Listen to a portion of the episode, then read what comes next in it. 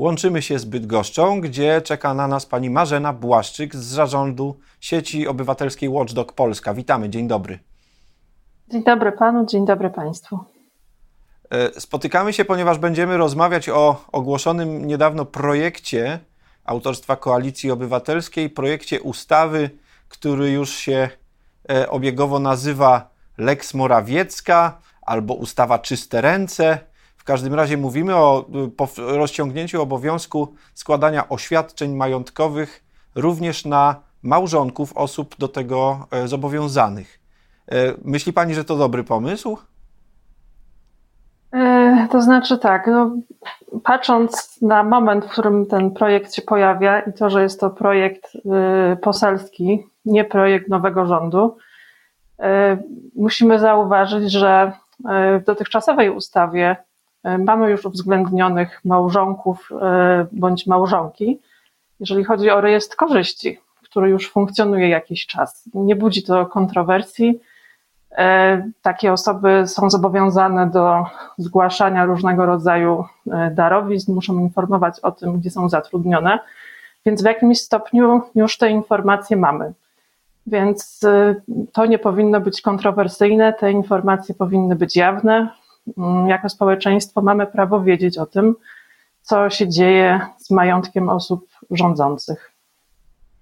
Z jednej strony dobrze, z, z drugiej E, jak wiemy, największy problem e, z oświadczeniami majątkowymi to jest ich forma. Widziała Pani na przykład oświadczenie majątkowe pani europosłanki Beaty Szydło e, z tego roku, z wiosny, w którym właściwie nie bardzo można odczytać, co ma i w jakiej kwocie i, i, i co to właściwie jest? No, dokładnie. To znaczy, oświadczenia majątkowe nie powinny być e, pisane ręcznie. Powinien istnieć centralny system, w którym takie oświadczenia będą składane elektroniczne, elektronicznie, który jednocześnie będzie umożliwiał pobranie danych do analizy, do, e, czy to przez naukowców, czy przez dziennikarzy, czy w ogóle przez społeczeństwo.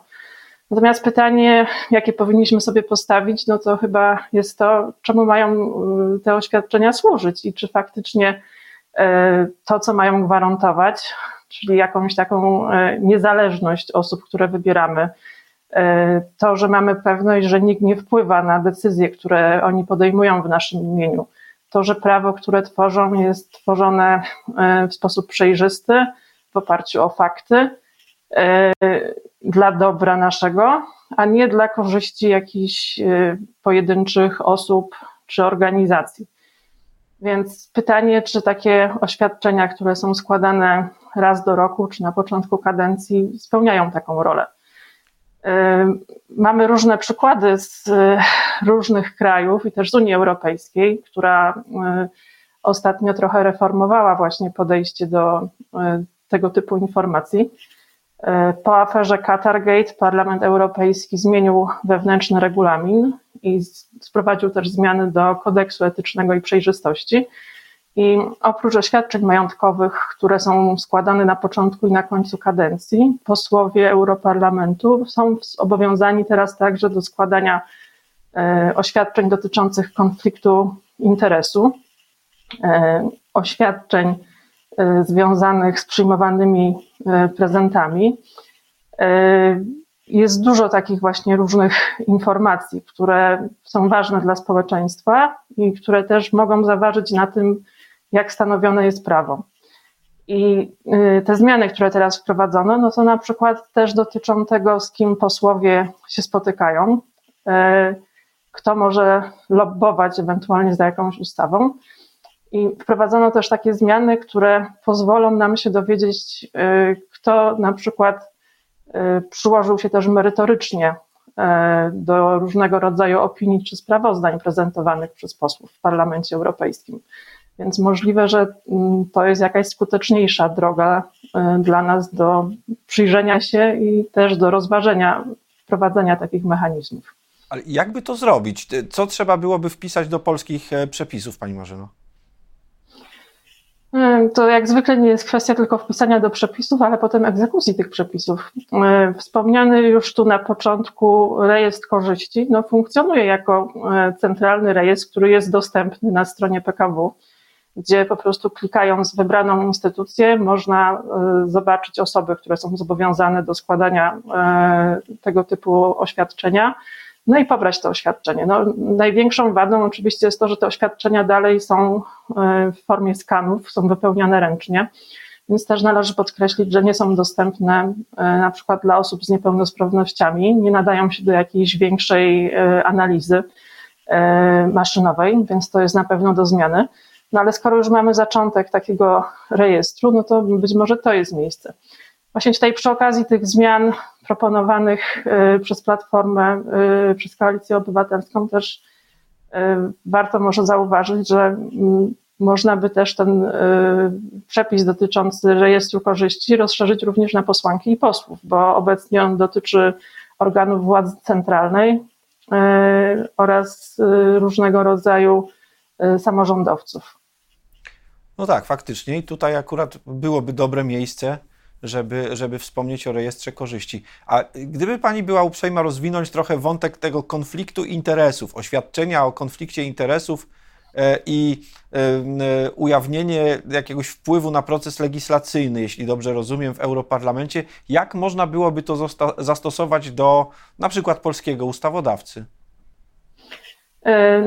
No więc Parlament Europejski wprowadził takie rozwiązanie, że posłowie są proszeni o to, żeby na przykład wskazać miejsca, gdzie pracowali, stowarzyszenia, do których przynależą, fundacje yy, i tak dalej. I dotyczy to nie tylko tego okresu teraz, momentu, w którym jesteśmy, ale ostatnich trzech lat. Yy, Parlament Europejski też próbuje walczyć yy, z takim mechanizmem, który się nazywa revolving doors, obrotowe drzwi, który niestety stał się dość powszechny w pewnym momencie w Unii, na co też wskazywała w swoich raportach Europejska Rzeczniczka Praw Obywatelskich Emily O'Reilly. E, mianowicie e, urzędnicy e, często przechodzą do biznesu i stają się lobbystami. Czasem ten mechanizm też działa w drugą stronę, że osoby związane z biznesem kandydują, przechodzą do parlamentu, no i potem powstaje pytanie dla społeczeństwa, dla nas, czy ktoś faktycznie reprezentuje nasze interesy, czy kogoś innego. No i właśnie e, zwrócenie na to uwagi e, i konieczność podawania takich informacji, no w ogóle też zastanowienia się nad tym, e, to jest duży krok naprzód.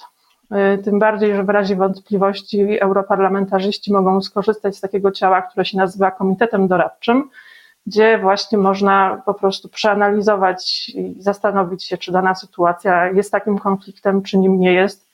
E, tam w regulaminie też zapisano e, takie kwestie związane z tym, że ten konflikt może też być związany nie tylko z tym, jakie funkcje ktoś pełnił, ale też z życiem rodzinnym, emocjonalnym, więc to jest taki dość szeroki temat, e, dość elastyczny, bardzo indywidualny, wymagający się zastanowienia nad co się robi, w jaki sposób się pracuje, ale myślę, że to jest bardzo cenne. Nam takiej refleksji na co dzień brakuje. Zgadzam się, faktycznie tak chyba jest. E, natomiast e, chciałem jeszcze wrócić na chwilę do czasów, gdy ministrowie Kamiński i Wąsik już dobre 8 lat temu, no 7, prezentowali projekt ustawy o jawności życia publicznego, która nigdy nie doczekała się uchwalenia, e, mająca wiele różnych elementów, tam i o sygnalistach było, ale e, też o ujawnianiu majątków przez e, osoby z, z biznesu, ze spółek, e, w których Skarb Państwa ma do, dominującą rolę. I pamiętam, I pamiętam ogromny opór wobec tych planów, który to opór, zdaje się, no był na tyle skuteczny, że rzeczywiście tej ustawy do dziś nie mamy. Czy, czy to by w ogóle przeszło test konstytucyjności, Pani zdaniem? No, to jest bardzo trudne pytanie w tym momencie, bo y, też często jak rozmawiamy y, o jawności, no to pojawia się ten konflikt związany z prawem do y, prywatności. Natomiast też nie możemy zapomnieć, no, że są takie sytuacje, gdzie jednak poinformowanie społeczeństwa o czymś może być bardziej istotne niż prawo danej osoby do zachowania tej prywatności. Różnie do tego też w różnych krajach podchodzi i na przykład, no, to też jest ciekawe, że nie wiem, czasem niektórzy są zobowiązani do ujawnienia naprawdę bardzo szczegółowych informacji, ale te informacje e, pozostają zapieczętowane do wglądu organów, nie są e, udostępniane publicznie. Natomiast y, muszą być złożone w określonym terminie, y, musi być to oświadczenie podpisane y, własnoręcznie, no i to też gwarantuje to, że potem nikt nie może go zmienić, jakby, żeby sobie w jakiejś trudniejszej sytuacji próbować coś uratować, no tak mówiąc kolokwialnie. Są nawet przecież kraje, w których ujawnia się majątki dzieci, nie tylko własne. Y, tak, to prawda. Natomiast y, znaczy, też musimy popatrzeć na to w ten sposób, że jeżeli ktoś y, chce oszukać system, no to niezależnie od tego, jakich byśmy zabezpieczeń nie wymyślili, zawsze znajdzie jakiś sposób, żeby obejść panujące zasady. No bardziej chyba powinniśmy myśleć o tym, żeby zachęcać do udziału w życiu politycznym, publicznym osoby, które jednak mają wyższe standardy, i będą walczyć z takimi zachowaniami, które są no, nie tylko niezgodne z prawem, ale też nieetyczne. Na koniec zapytam, kibicuje Pani temu projektowi, który ujrzał światło dzienne w minionym tygodniu, czy e, raczej oczekiwałaby czegoś więcej? Oczekiwałabym czegoś więcej. Przede wszystkim chciałabym, żeby e, był to projekt e, nowego rządu, żeby były szerokie konsultacje, żeby była odpowiednia analiza do niego przeprowadzona. No my jako stowarzyszenie na pewno będziemy chcieli przedstawić naszą opinię na ten temat, natomiast e, no ten tryb poselski znowu wskazuje na to, że jest to takie działanie podejmowane na szybko, żeby też podjąć taki temat, który no jest bardzo e, polityczny.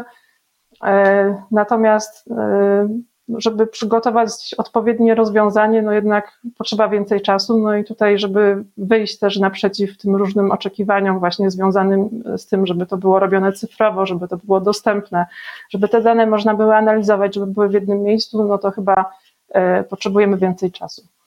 Ale oczywiście krok w dobrym kierunku. Kończymy zatem optymistycznie z e, spojrzeniem w przyszłość. Bardzo dziękuję za to spotkanie. Marzena Błaszczyk z zarządu sieci obywatelskiej Watchdog Polska była naszym gościem. Bardzo dziękuję.